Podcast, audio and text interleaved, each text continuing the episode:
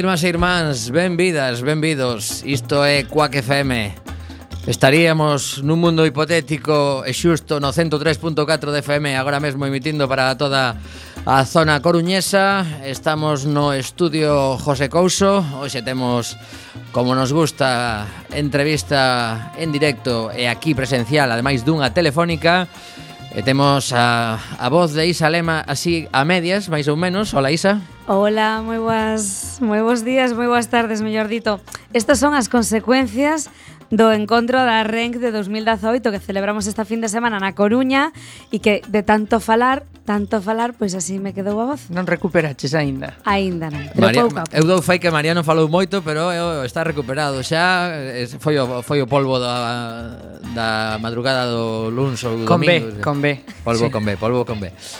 Ben, pois iso, que estamos moi felices de ter celebrado na nosa cidade un encontro, unha asamblea da Red de Medios Comunitarios que serve para poñernos cara, para abrazarnos, para rir, para manternos unido ante unidas ante a adversidade de continuar loitando contra unha administración que ten esa habilidade de mm, cabrear a xente.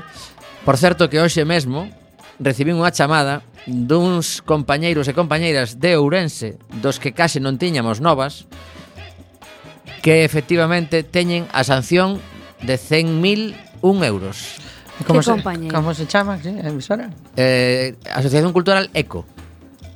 Xa vos contarei máis porque isto é unha chamada que recibín hai pois eh, dúas horas desesperadísima, a muller que me chamaba, mm, como quedaron en enviarme toda a información ao respecto pero segunda, eh, segundo me comentaba ela, o mesmo día que nós recibimos eh, o, o documento da resolución da Xunta, no que non se sancionaba a Quack FM, pero se nos impedía emitir, eles recibiron o seu confirmando a sanción e agora xa están traballando con abogados para ir a un recurso contencioso administrativo porque evidentemente 100.000 euros xa mm, eh, podedes imaginar que non os teñen. Eh, está aí Mariano xa informándose do tema, pero bueno, podemos comentar un poquinho máis ao respecto do que do que fixemos no centro cívico, sobre todo eu que me perdín a charla do Benres, quero que aproveitades para, para poñer a, a xente que tampouco puido estar pois un poquinho ao tanto do que ali se falou a presencia de Xavier Fortes creo que foi moi aplaudida uh -huh. Contanos, Isa Pois eh, a verdade é que houve tres poñentes estupendos. Quero dicir, estivo moi ben. A verdade é que foi unha charla moi interesante. Tiña un título moi aberto Era mm, Libertad de expresión aquí e ahora Es decir, a verdade é que se podía falar de calquera cousa Pero Xavier Fortes viña un pouco en representación do... Bueno, pois dos xornalistas de televisión española que, mm, que están intentando pois pelexar porque haxa unha lei que realmente ampare a, a autonomía e a independencia de Televisión Española por enriba dos partidos políticos. Non veu denunciando e dando exemplos e incluso conexións eh, mm, incluso te, conexións eh, políticas, non? De quen era o director xeral, quen era o subdirector, bueno, poli, poli, políticas, sendo, políticas e, e familiares e, e, e criminais tamén, porque E criminais efectivamente, xente que está pois dirixindo a televisión española e que está implicada na Gürtel e en outros e en outros casos bastante turbios, pois da actualidade judicial española. Uh -huh. Moi cañero, Xavier Fortes, moi moi cañero e a verdade que dá dá gusto es, escoitalo e sobre todo pois estábamos ali eh, tomando notas, eu estaba na mesa como como moderadora e en representación. E ti que comentaches? eu estaba na mesa como comedadora e como e en representación un pouco tamén de, de Coac FM non? e desta campaña que, que levamos desenvolvendo dende, dende setembro do ano pasado polo dereito a, a comunicar E, e tamén estaba María Navarro, a expresidenta da RENC, porque esta fin de semana escollemos novo presidente. Mm. -hmm. E a verdade é que, bueno, pois hai unha regla non escrita en, na RENC, na Rede de Medios Comunitarios, que só pode haber presidentes que comecen por M, Tivemos a Miriam Meda, tivemos a María Navarro e agora temos a Mariano Fernández. Parabéns, Mariano. Ese, Parabéns, Mariano. Xa, xa sabes que non estás só nesta tarefa, así que contamos con estar apoiando no que faga falla. Máis, máis vos vale. Que non claro. Sobre todo foi moi interesante. Era, era por, por mí e por todos mis compañeros.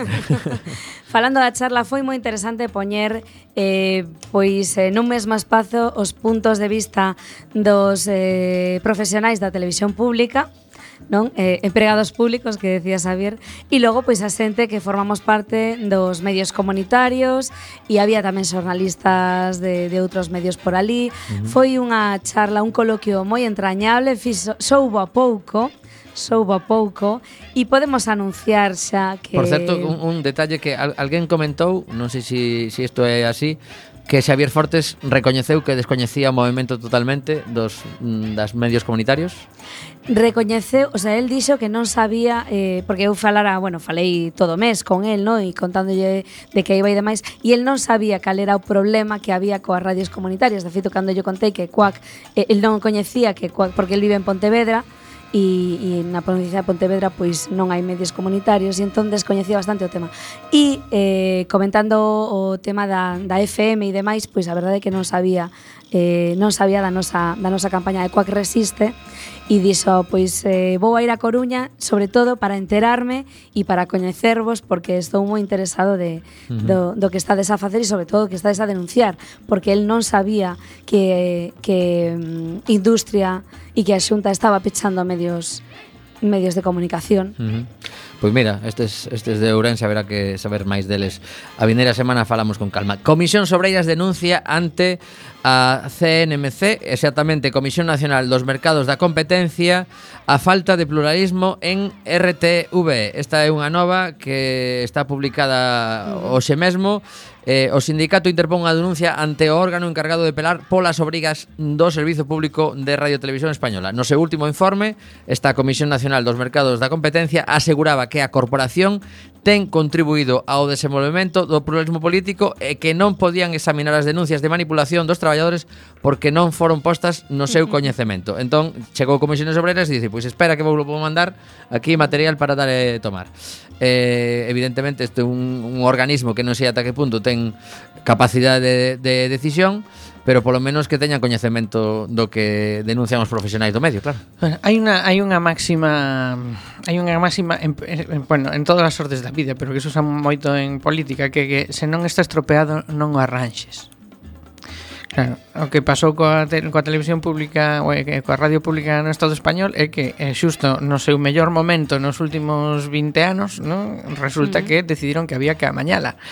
Mm, porque durante o mandato de Jesús Rodríguez Zapatero o pasou a, a, a tele a radio públicas de ser prácticamente mm, Residual na audiencia. Bueno, tanto como residual non, porque porque así ao tonto a televisión pública un, nun mal momento empata coa mellor das televisións privadas, non? En, en audiencias, porque ten, ten arrastra moitísima moitísima fidelidade da, da audiencia, pero bueno, sí que é certo que non estaban as súas mellores horas eh, pois con, con evidentes acusacións de manipulación, todo o mundo se lembra de, de Urdaz e de todo aquelo.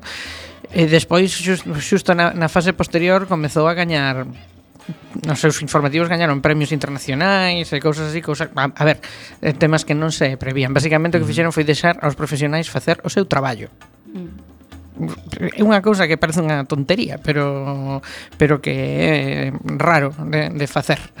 Seica. Eh, bueno, pois eh, era necesario, Seica, retrotraer todo iso pero de primeiras dadas na anterior legislatura do Partido Popular, non? E se, mm. se desmontou todo ese armazón e volvemos a, a unha radio de partido eh, que ten exactamente os mesmos problemas que tiña antes do, do, do período Zapatero no que se fixe unha reforma moi tendente un pouco ao que era unha, a BBC, digamos, que era ese o, o referente, que ten en conta que, o refer, que a BBC é referente eh, internacional de, de, de radio televisión pública. Uh -huh.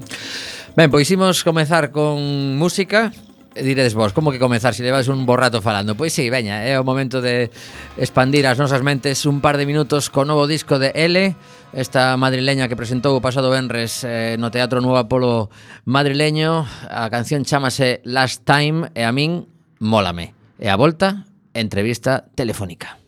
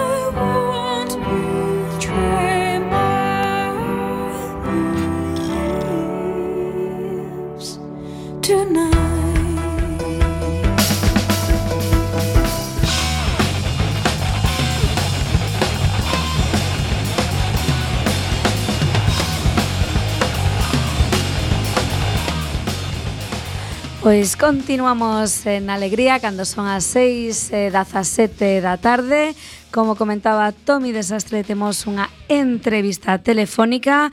Mariano, confírmame que xa está o fi, o outro lado do fío telefónico, José Álvarez, secretario xeral confederal de UGT. Moi buenas tardes, José Álvarez. Hola, buenas tardes. Lleva, lleva usted un buen rato, unos buenos meses de gira por España, reuniéndose con delegados sindicales, con representantes de los trabajadores, con la ciudadanía en general. Está ahora mismo usted en Cantabria, me dicen, me decía antes. ¿Cómo, cómo ve España? Bueno, pues yo creo que estamos en una buena situación económica para algunos, con una necesidad inminente de que se reparta la riqueza que se está generando, eh, repartirla con pensionistas, repartirla para mejorar los servicios públicos, sobre todo para recuperar los derechos que hemos perdido durante la crisis, eh, esta crisis larga que hemos tenido. Eh, hay que arreglar cuestiones eh, fundamentales que se están disparando, por ejemplo, los accidentes de, de trabajo, que son una verdadera lacra y que en buena parte vienen como consecuencia eh, de la contratación temporal, de la falta de derechos que tienen eh, sobre todo los jóvenes en nuestras eh, empresas.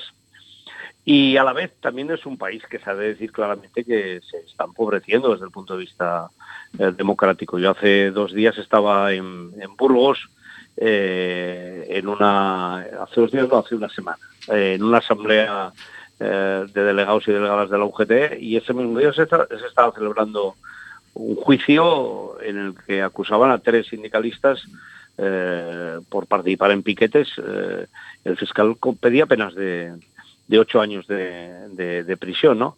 Eh, tenemos personas que sencillamente por hacer canciones, porque la letra de las canciones no les gusta algunos, pues eh, están en las puertas de la, de la prisión, o persecución a los tuiteros, o prisiones eh, preventivas eh, que a nosotros nos parece que son un, un exceso. Por tanto, yo creo que también desde el punto de vista de libertades este país es un país que tiene que mejorar de manera sustancial.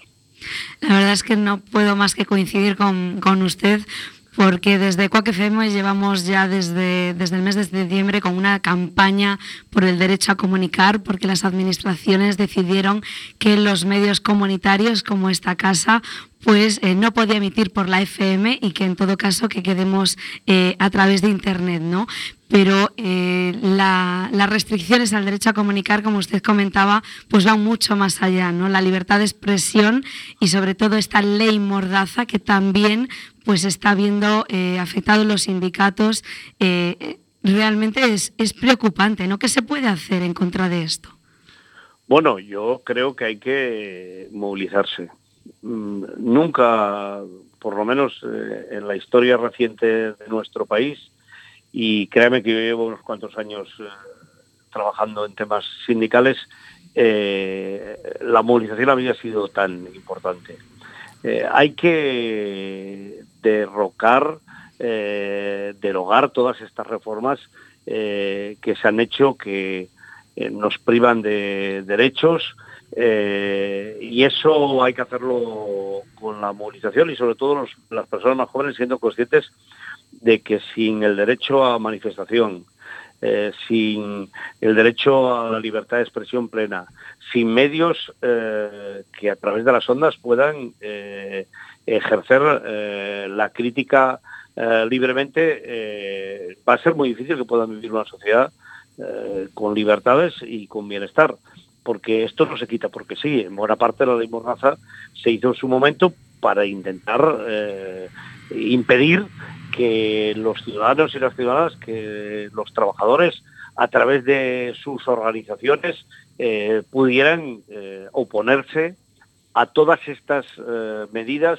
eh, que nos han recortado eh, derechos en los últimos años y ahora las están, y las están situando para intentar que no podamos recuperar los derechos perdidos. En España, los beneficios empresariales, los de- dividendos que dan a los accionistas, crecen entre el doble y seis veces más que los, que los Los salarios. salarios. Eh, no conocíamos, eh, antes de empezar esta crisis, eh, personas que ganaran menos de mil euros. Había muy pocas, sí que conocíamos, pero había muy pocas personas. Hoy ganar mil euros es un privilegio e incluso para las personas que han acabado una licenciatura.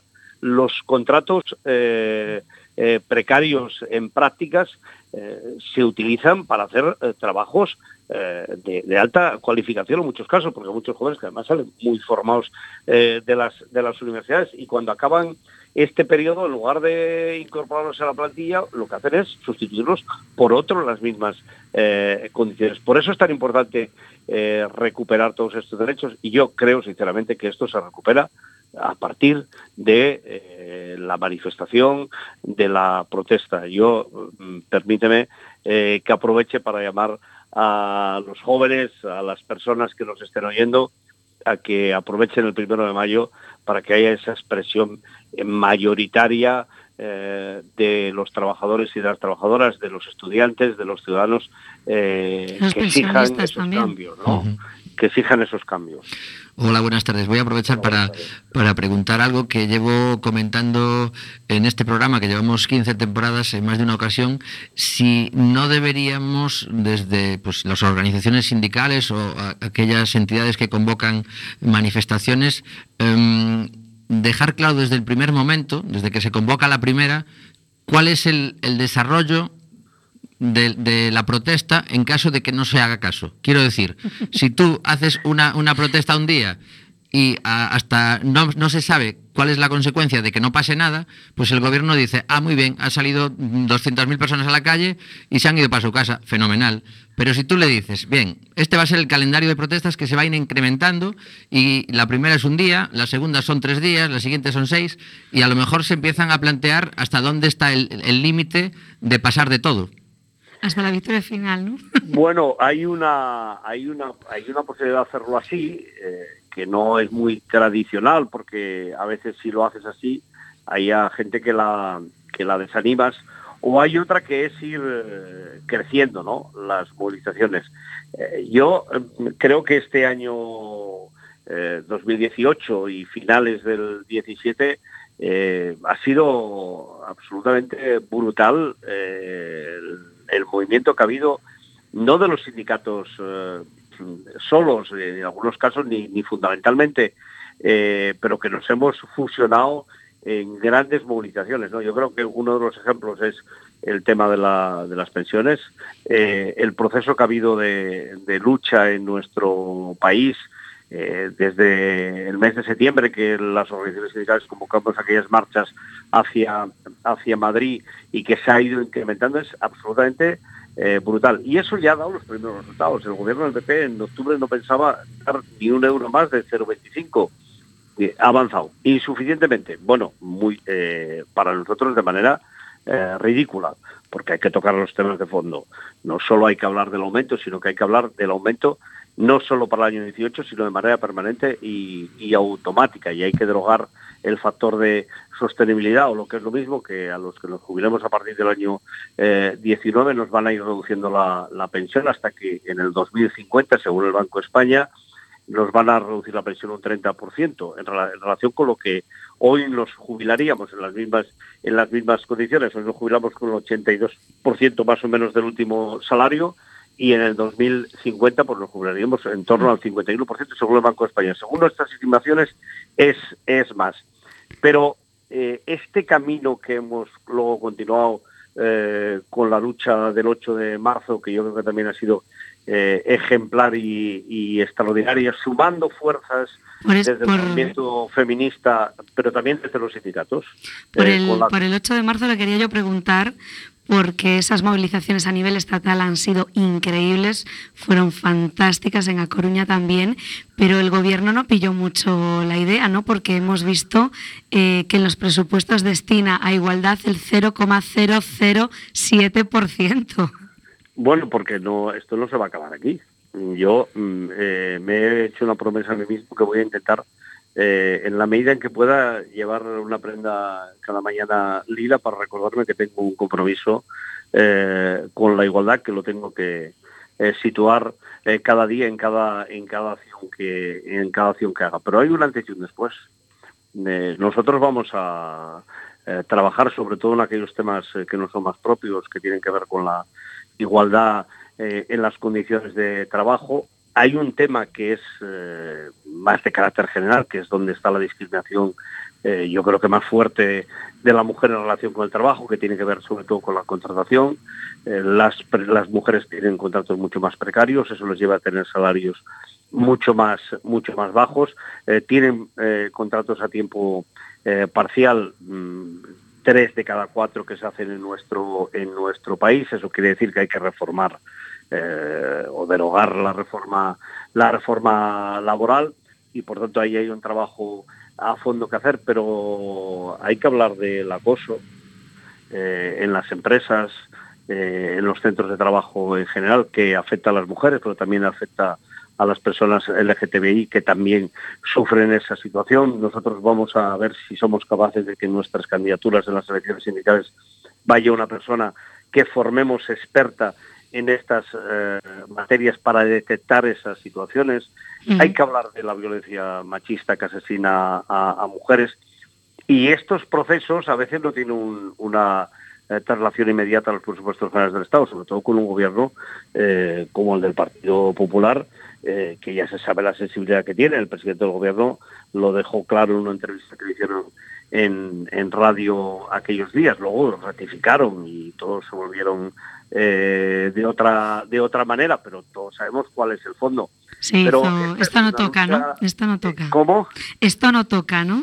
esto no toca. Pero esta es una lucha que, que- que llevaremos a, a fondo y que, y que lo vamos a, a conseguir. Hay algunas cosas que más a corto plazo, otras más a medio y otras más a largo plazo, pero no tenemos que entretenernos ni perder mucho tiempo.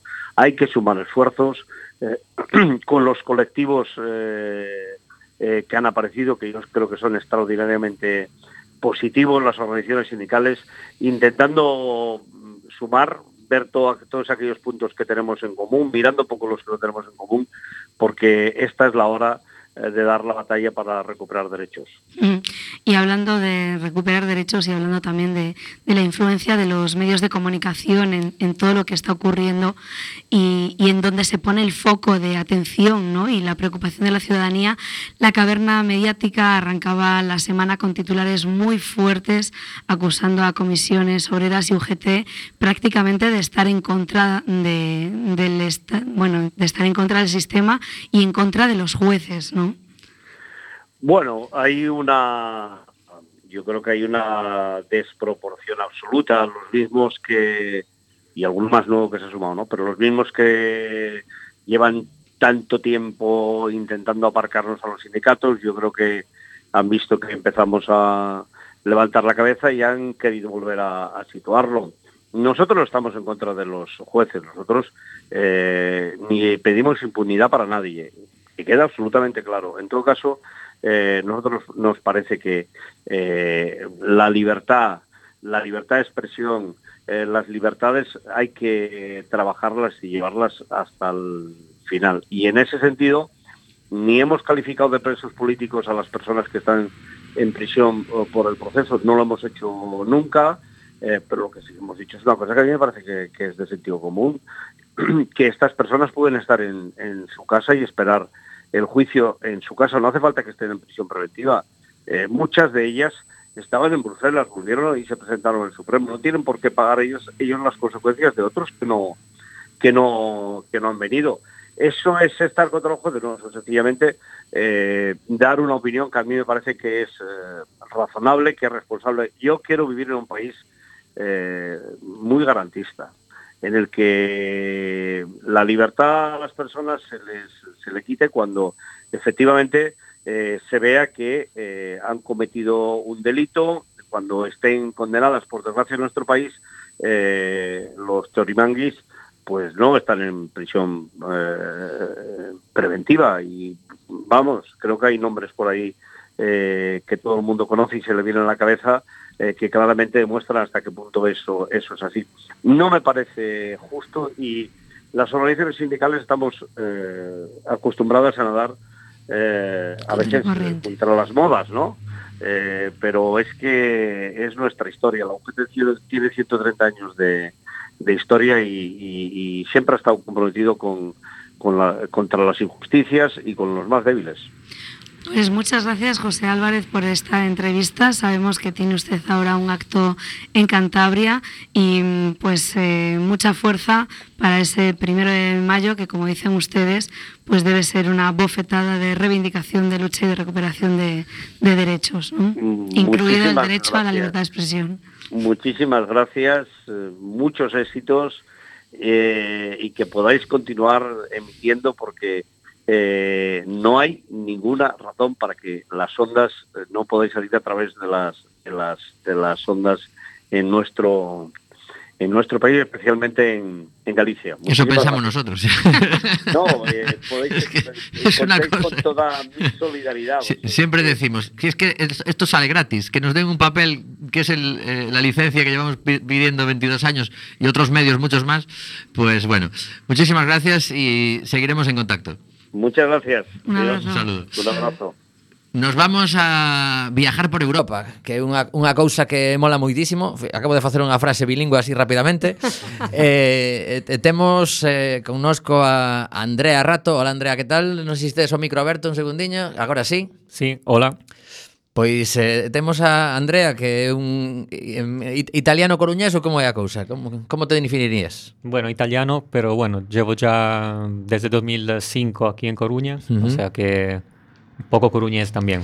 Vamos a hacer una cosa, vamos a poner un minutito de música nada más y después de ese minuto nos vamos a mm, eso, desplazar por ni más ni menos que 26 países, es mucho decir porque en, el tiempo que nos queda a lo mejor es complicado, pero 26 son los países que él dice en su proyecto que ha visitado sacando 85.000 fotografías.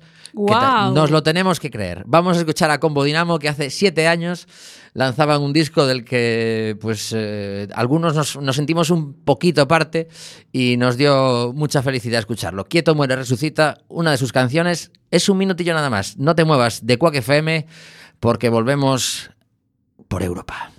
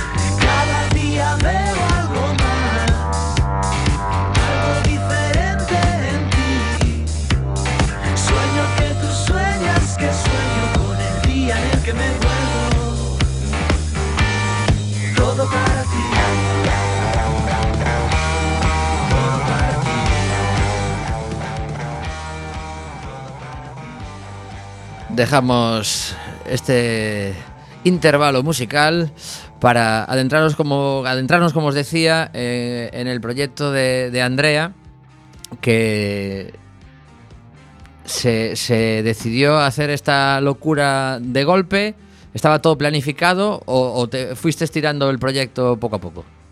Bueno, hubo una planificación inicial y después, eh, claro, fue un poco sobre la marcha también, porque no es tan sencillo organizar eh, eh, un eh, viaje de eh, siete meses no continuos por 26 países. Eh, da una idea inicial que un poco surge del, eh, al finales del año pasado con el tema del, del Brexit, eh, cuando ahí sí que me empecé a hacer unas preguntas eh, sobre eh, el concepto de Europa, por eh, un poco la sorpresa que me, el resultado, me dio el resultado de las votaciones. Y de allí la idea de hacerlo cuanto antes fue una... Claro, la planificación realmente fueron un par de meses nada más, enero, febrero, y ya marzo empezar los viajes. Me parecía que fuera el momento mm, correcto para, para hacer un proyecto de este tipo. Estamos hablando de un proyecto de crowdfunding a través de la plataforma Kickstarter. Le quedan ahí unas treinta y tantas horas aproximadamente para finalizar. Ahora ya está relajado porque llevaba sufriendo eh, el, el típico mm, no doy llegado, no doy llegado. Además me acaba de comentar que se, se confundió y pensaba que quedaba menos, mm, un día menos, ¿no? Sí, sí, pensaba que ya acaba mañana por la mañana y no, hasta el jueves por la mañana. Bueno, total, que ahora mismo ya hasta sobran unos cuantos dólares, en este caso porque esta plataforma lo pone eh, en dólares. Y cuéntanos para qué es este dinero que estás recaudando. Sí, este dinero concretamente es para pagar la impresión eh, de- del libro, de un fotolibro, eh, que mm, era un poco la idea que tuve desde el principio, de plasmar un poco el proyecto en eh, un fotolibro que resumiera con eh, unas pocas fotos respecto al total que evidentemente compone el proyecto, eh, el, eh, mi viaje por Europa y las impresiones que, que- que me llevé ese viaje. Aproximadamente por, tu- por, mm, tus cálculos, ¿para cuándo estará impreso? El libro eh, espero que esté disponible desde junio. Ajá. Sí. Y a partir de ahí es una, una aprovecharás que tengas un libro para hacerte una gira y, y proyectar las fotos en donde te vayan dejando y aprovechar para sacar más, supongo. Sí, ahora realmente me concentré mucho en el tema de mm, realizarlo, el proyecto, y, y- y ahora en el crowdfunding, y desde ahora por adelante intentaré buscar eh, sitios donde poder exponer eh, o presentar el proyecto. Em, decías hace un momento que algo hizo un clic en tu cabeza en el momento que los británicos tomaron esa decisión, que fue bastante ajustada, pero de alguna forma Europa, con uno de los países más importantes fuera dentro de relativamente poco, eh, empieza a modificarse y tú querías ser testigo eh, viajando con tu cámara. ¿Desde cuándo llevas haciendo fotos tú? Yo, bueno, foto, hacer fotos prácticamente toda la vida. Ahora, este tipo de foto concretamente, que son un, eh, estamos hablando de eh, fotografía callejera, como se suele decir, o fotografía documental también, porque el proyecto se basa un poco sobre ese dos, dos eh, tipos de fotografía. Eh, todas las fotos eh, están eh, tomadas sin preparar, o sea, son todas espontáneas. Y mm, por otro lado intento eh, que tengan algo que decir con el tema del proyecto, evidentemente. Por eso tomé muchísimas fotos y después eh, eh, realmente las que me servían de verdad por el proyecto no eran tantas. Claro. Fue, fue una selección un poco inmediata por algunas y después una selección final muy, muy complicada que realmente aún no está totalmente cerrada. Eh, tu relación con cada ciudad a través de la cámara, eh, las, las notas muy diferentes. Porque al final son personas. Con Sí. quien tú estás interactuando, en casi todas las fotografías hay, hay personas, algunas que miran a cámara, otras que ni se dan cuenta de que les estás sacando la fotografía. Entonces ese, ese vínculo se establece más con las personas que con las ciudades. ¿Tú notas muchas diferencias? Mm, mm, las personas, las ciudades, no entendí bien. Vale, eh, a, ver si, a ver si lo aclaro mejor. Eh, hablabas, en, en- digamos, entre las preguntas que planteas en la introducción del texto, Sí. ¿existe Europa como un todo común? Y en caso de existir, ¿cómo funciona? Pues la pregunta va un poco por ahí. Si, si realmente tú cuando viajabas con tu cámara a Polonia, eh, la relación con las personas, no necesariamente las que estás fotografiando, sino ese, ese, ese tiempo que pasas en una ciudad sacando fotografías, tú notas que, que, pues, la, la amabilidad, eh, la aceptación del extranjero, todo eso es muy diferente de unos países a otros. Mm, no es tan diferente. Realmente eh, no es tan diferente. Eh, a ver, las personas eh, reaccionan, claro, diferentemente según el sitio. Hay sitios donde no le importa realmente, en general. eh, estamos siempre hablando, ¿sabes? En general, porque siempre puedes encontrar la persona que no, no le apetece ser fotografiada, evidentemente, y hay que respetar eso también. Eh, pero en general eh, puedo decir que, que mm, no hubo ningún problema Nadie te intentó sacar la cámara. Sí, sí, Ah, eso, sí, pasó, eso eso pasó. Bo- Borra esa foto. Yo no, Sí, tenía, ¿no? yo no tenía que estar aquí. Pero por una cuestión cultural, No, una hubo- cuestión de esta, imagen. esta no es mi mujer, aunque voy agarrado de ella. Ahora, qué malo. Eh, No sé, yo estoy preguntando. para intentar eh, para intentar sacar eh, mm, fotos de ese tipo claramente eh, a veces te vas un poco más allá y, y- y allí es cuando a veces puede haber problemas Ujú. entonces siempre hay que mantener un poco un perfil eh, yo intento pasar desapercibido en general y también porque si no eh, pierdo lo que estoy buscando, que es realmente que la foto no sea preparada, porque también eh, justamente decías, hay personas mirando a cámara, eh, pero bueno, esta persona está mirando a cámara, están reaccionando de alguna manera. Lo que pasa que intento siempre que sea esa mirada el primer momento, cuando aún la notas espontánea, no Ujú. el segundo momento cuando ya te están mirando mal o, o, ¿sabes? Eh, ya la reacción es más... Por ejemplo, eh, el, el negro que tenemos en la, en la fotografía que aparece en, en el, en el vídeo Sí. explicativo, pues eh, se te quedó mirando claramente. Sí, sí, sí, se quedó mirando. ¿Y después conversasteis o sueles, no, sueles no. nunca? Yo intento evitar del contacto de- con las personas. Hay gente que hace ese tipo de fotografía eh, que sí eh, establece una relación con, eh, con eh, la gente que está fotografiando. Eh, es que el- por lo que estoy haciendo, no, me, o sea, no es que no me interese hablar con la gente, cuanto que si hablo con la gente, puedo hablar después, a, a lo mejor, pero antes eh, voy modificando lo que es la escena realmente, si, si establezco una relación. De hecho, yo conocí mucha gente en este viaje porque eh, el poder de las redes sociales, ¿no? Eh, todas las veces que iba a algún sitio, eh, colgaba en la red social donde ahora voy dos días a Estocolmo o dos días a Berlín y me contactaba gente para quedar, para normalmente fotógrafos. eh, y allí a veces sacaba, pasabas unas horas con ellos sacando unas fotos y, y ya te das cuenta del diferente eh, modo de, de trabajar de cada uno, ¿no? Ujú. Y sí que hay gente que, eh, que suele eh, hablar con la gente, mientras está hablando le saca las fotos y va haciendo de otra, de otra, de otra manera respecto a lo que busco yo, que realmente es evitar el contacto para, para como decía antes, para evitar eh, influir en la, en la escena realmente. Y la foto que decías tú, Ujú. Eh, de esta escena tengo varias fotos. Estuve pasando y volviendo y pasando. Estaba, me gustaba la escena, no conseguía dar con la, con la imagen correcta. Y, y, claro, el tío se dio cuenta, evidentemente, me, estaba, me empezó a mirar y, y bueno. Pero aún así, en ese caso, eh, esa foto concreta que la gente no puede ver, evidentemente. Pero Bueno, que, busque- que busquen Sí. eh, Europa de Photobook y Está- yo está, creo que, sí. que lo, lo van a localizar porque además se trata también de que os animéis a, si os gusta la fotografía y os gusta el proyecto, pues aún tenéis tiempo hasta el, hasta el jueves por la mañana para seguir aportando y recibir, recibir alguno de, los, de las recompensas de, de Andrea. Em, ¿Qué has aprendido de este viaje?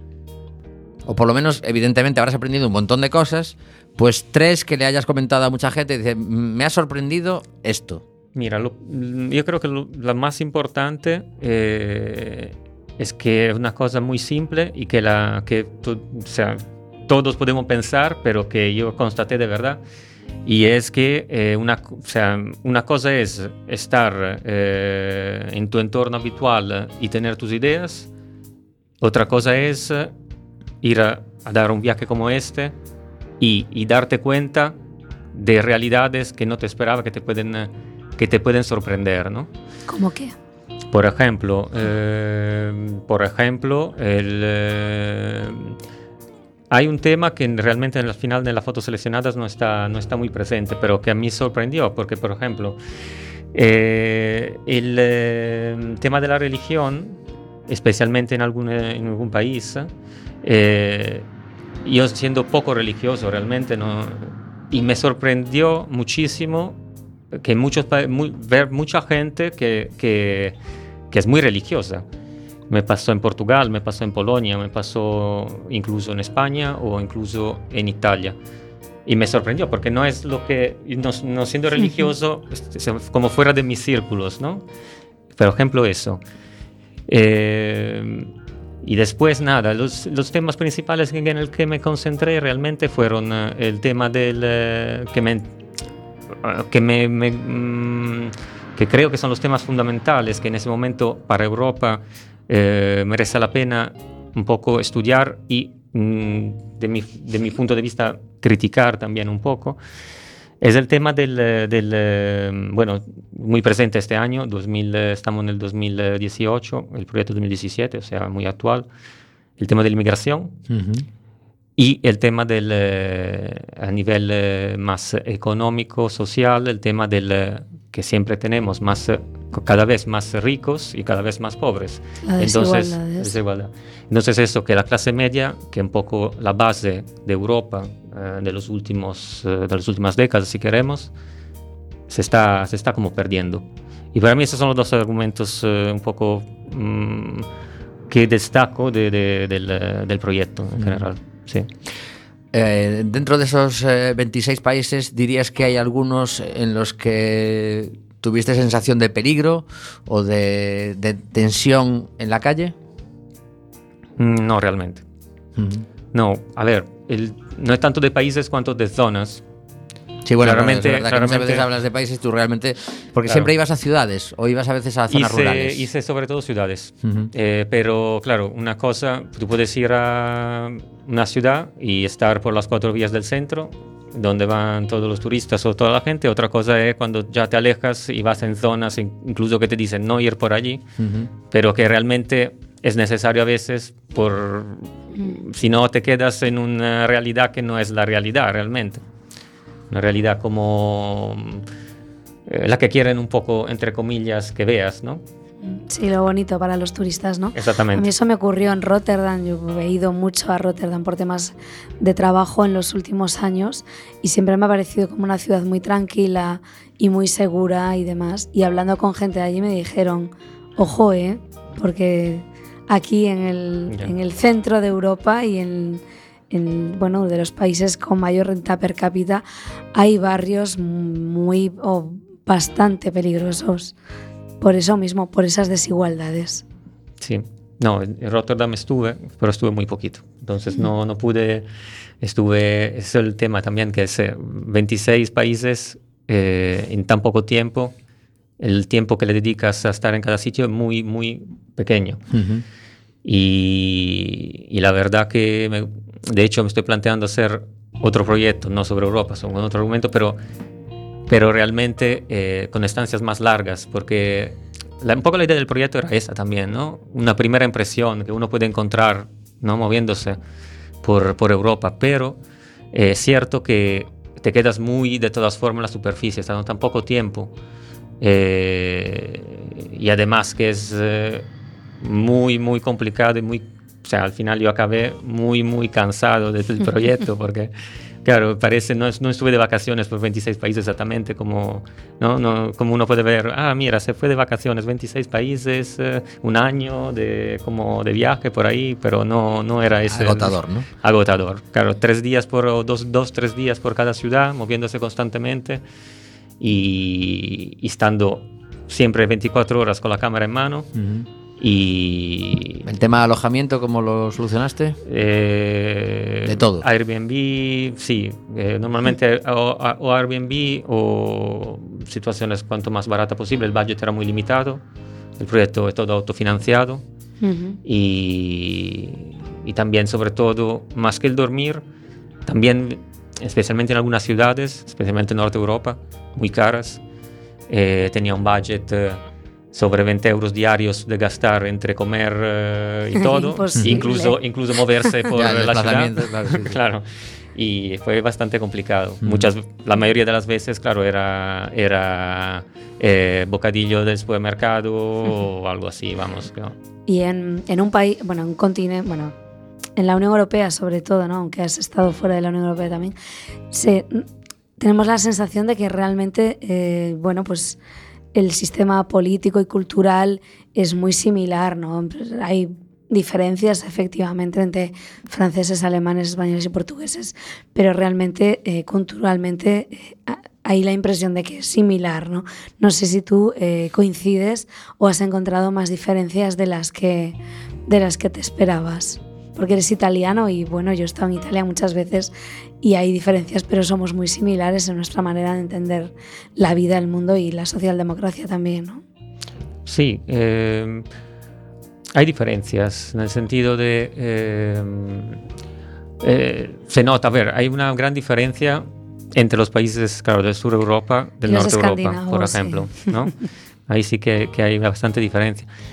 Eh, incluso los países del eh, este, lo que eran eh, del este Europa, eh, ahí, por ejemplo, eh, me so- lo que puedo, lo que me pareció más interesante es el tema del, de cómo, por lo menos la percepción que tuve yo, evidentemente, de, de que están como más capitalistas en un sentido sí. que los países de Sí, sí. Occidente, ¿no? Sí, Como- sí, en Rumanía abrazan el capitalismo Claro. como si no hubiera un mañana. como sí. el tema, el tema, claro, el tema comunismo, el tema quedó como tabú totalmente. Entonces, claro, mm, la- nos, está que- muy nos queremos ir al otro extremo. Quieren ir al otro extremo, claro. Sí, sí, sí, sí. Eh, si ahora te dicen, bueno, pues eh, te damos de premio, ya que ah, incluso te lo vas a, a lo mejor hasta te lo puedes permitir, si la gente sigue aportando día y medio, y dice, te vas a tener cuatro días para relajarte en una de las ciudades en las que has estado con la cámara en mano y corriendo de un lado para otro. ¿A dónde te irías? Mm. Una, ¿eh? Bueno, Sí. te voy a dejar dos, venga, a, a- a lo No, loco. no, una, una está bien, una está bien. Aparte, la primera que te viene a la cabeza, Sí, por- algo la- es, por algo es, diría Istambul. Ajá. Wow, porque Bueno, yo ya conocía mm, prácticamente no, el 70-80% de los sitios donde estuve, por- eh, ya había estado. Eh, Istambul es una de las ciudades nuevas donde estuve y la verdad que una ciudad que me, me encantó por el entorno, por el, enclave, ¿no? Un poco donde está el... el, eh, el Bósforo, todo eso es una, sí, una ciudad impresionante, la verdad.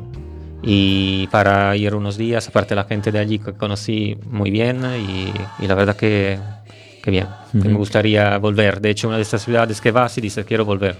Sí. Y ahora lo contrario. ¿Dónde no? ¿Dó- ¿Dónde dices, "No, no, aquí no me liáis que yo no vuelvo? No, ahora en general yo soy... Me gusta volver a los sitios, pero... la- a ver, a mí lo que me gusta o menos, en general, puedo decir que justo el norte de Europa. Ajá. No... Por un tema más bien de... de, de, mm, no sé, de un tema más de, de, mm, ¿Cómo se puede decir? No de la gente en general, pero sí que la gente es muy...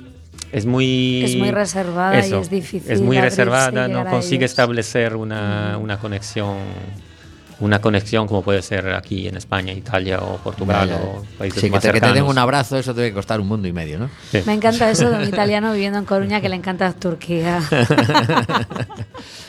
Bueno, se mueve por el Mediterráneo y nosotros hacemos, somos aquí la excepción. Haciendo, Eh, Es lo normal, ya está en Turquía. o sea Está en Turquía, claro. Pero muy bien. Bueno, pues nos quedan dos minutillos nada más del programa. Se nos ha ido este alegría a, a ritmo frenético una vez más. Eh, a los que vayáis a ir al fútbol, pues oye, que a ver si a ver si os traéis los tres puntos, os, os- os quedáis los tres puntos en casa, Mariano, que te apoyamos desde aquí. Y Mariano no sabemos iba que a ir al fútbol, ha, sido una temporada muy dura y, y, Yo oye, tengo, yo tengo curro y lo están haciendo muy bien sin mí los últimos Vale, vale. partidos. Bueno, pues eh, a, lo- a los que a los que vayáis, que, que lo disfrutéis, incluso pues eh, hasta yo os diría que, que para quienes no quieran saber nada del deport, pues que tenemos a Carmen Conde con una comedia esta noche en Mardi Gras, con la comedia Premios Darwin, que seguramente también pasaremos un buen rato.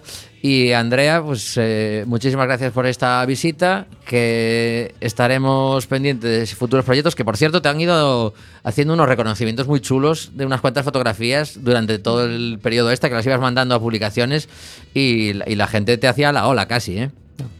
Eso es verdad. Sí, bueno, gracias. Sí, sí, bueno, yo, yo es que somos amigos de Facebook, aparte de conocernos personalmente, y, y la verdad es que, aparte que las fotos valía mucho la pena, pero sí que es cierto que de alguna forma, ya, ya que las, las publicas y las compartes, pues mola que la gente te, te, te dé ese reconocimiento. Sí, siempre se agradece. Dejamos este maravilloso estudio José Couso para nuestros compañeros de Recendo. eh, voltaremos o vindeiro martes a ver se agora collemos un poquinho de regularidade aínda que hai por aí unhas sospeitas de que o mellor descansamos en maio porque entre viaxes e complicacións, eh, pero bueno, pero eu, non o primeiro de maio teño a intención de descansar pola tarde. Vale, pois eh, pola eh, mañá imos a Manifa. Eh, en concreto o mellor o mes de maio facemos, pero bueno, iso falamos a vindeira semana. Chao. Chao, chao.